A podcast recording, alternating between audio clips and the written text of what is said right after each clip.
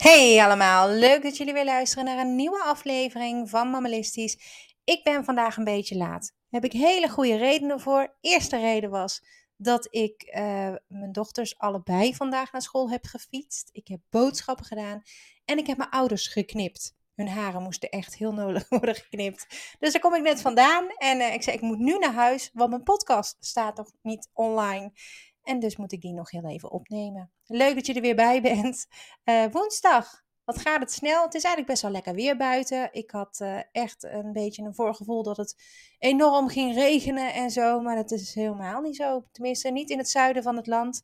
En uh, daar ben ik best wel heel erg blij mee. Want ik moet alles dus op de fiets doen. Ouderschap kan een van de meest geweldige ervaringen zijn van je hele leven. Maar het kan ook echt overweldigend aanvoelen. En dat is iets waar ik het vandaag met je over wil hebben.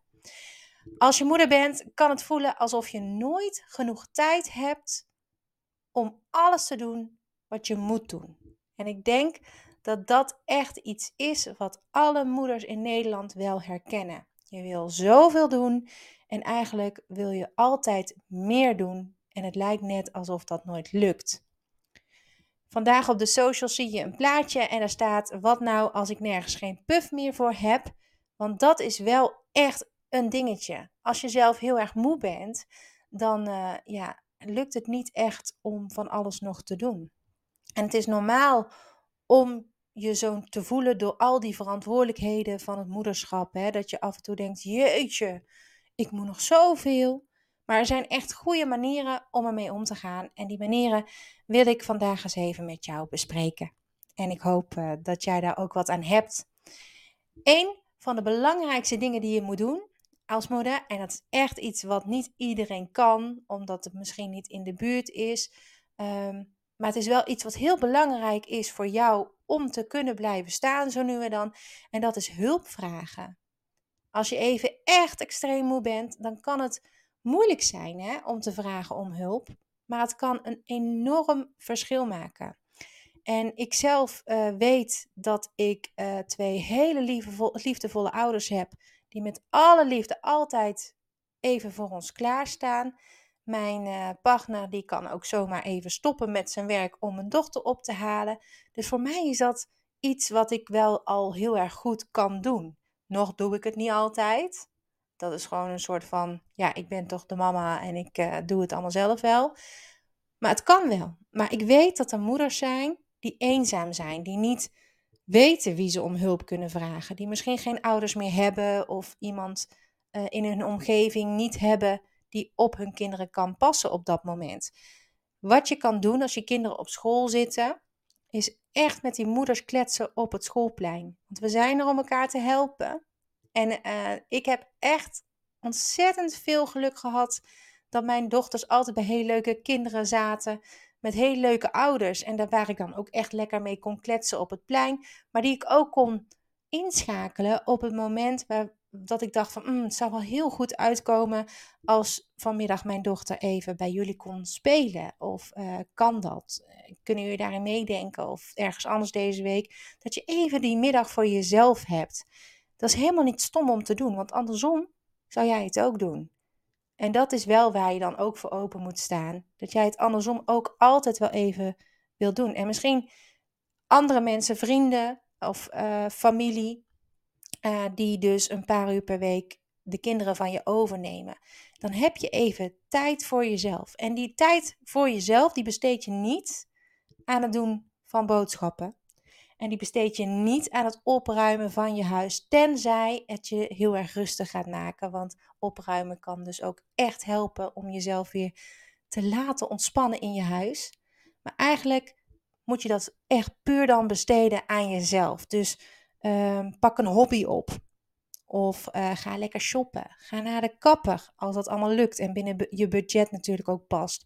En dan kun je ook bijvoorbeeld je nagels een keer laten doen. Maar je kan ze ook hier lekker uitgebreid zelf gaan lakken en uh, jezelf opknappen. Of ga lekker sporten. En dat is iets wat ik de laatste, nou, het laatste jaar vooral eigenlijk wel goed heb opgepakt. Dat is mijn momentje voor mezelf. dan heb ik echt die rustige muziek in mijn oren. En ben ik eh, even met mezelf bezig en met niemand anders. Je kan me dan ook niet bereiken, behalve als het echt dringend is natuurlijk. Een andere manier is om ehm, een echte scherpe routine in je huis te creëren. Structuur en routine kunnen uh, kinderen helpen om zich veilig te voelen, om zich comfortabel te voelen. Maar het kan dus ook jou als ouder helpen. En daarom heb ik onder andere die dagritmekaarten ontworpen. Als je dan een dagritme hebt, dan hoef je daar alleen maar naar te verwijzen. En als je die dagritme dan zo creëert dat daar ook een manier in zit waarbij je tijd hebt voor jezelf. Dus bijvoorbeeld, ik hang een kaartje op even alleen spelen. Dan is het bedoeld dat jouw kind dan ook echt zichzelf even een uurtje gaat vermaken. Of een half uurtje. Het ligt maar net aan hoe jouw kind uh, dit gaat oppakken en of jouw kind dat op die manier ook kan. Dan play je dag zo dat je tijd genoeg hebt om voor je kinderen te zorgen. Want elke dag moet er ook een kaartje tussen dat jullie even samen een spelletje spelen. Zodat je kind ook zich gezien voelt natuurlijk en gehoord. Maar dat je ook dus tijd hebt voor jezelf. En zo'n vaste routine gaat daarbij helpen. En als laatste is het belangrijk om te onthouden dat je goed bent zoals je bent. En dat is echt gewoon heel belangrijk. Jij bent goed zoals je bent. Zelfs als je moe bent, als je futloos bent, als je geen energie bent, dan probeer dan toch te beseffen dat het gewoon goed is zoals je bent. Zelfwaardering dus, heel erg belangrijk. Veel ouders hebben dezelfde gevoelens en ze worstelen met diezelfde uitdagingen. En echt iedereen die je spreekt kent dit. Wees lief voor jezelf en probeer te genieten van de tijd met je kinderen door dan maar even helemaal niks te doen. Mag ook wel eens. Voel je daar nooit schuldig over. Nou, dat wilde ik je vandaag op deze mooie woensdag meegeven.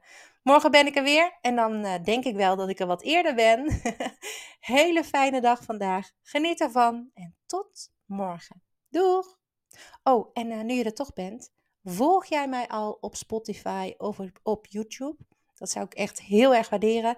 Uh, volg me daar, want als je dan een nieuw berichtje van me wil beluisteren, dan heb je al de melding binnen. En dan kan je heel gemakkelijk naar mijn afleveringen. Ik hoop uh, jou uh, heel snel weer, uh, nou ja, te zien als volger dan maar, zoiets. Hele fijne dag. Doeg!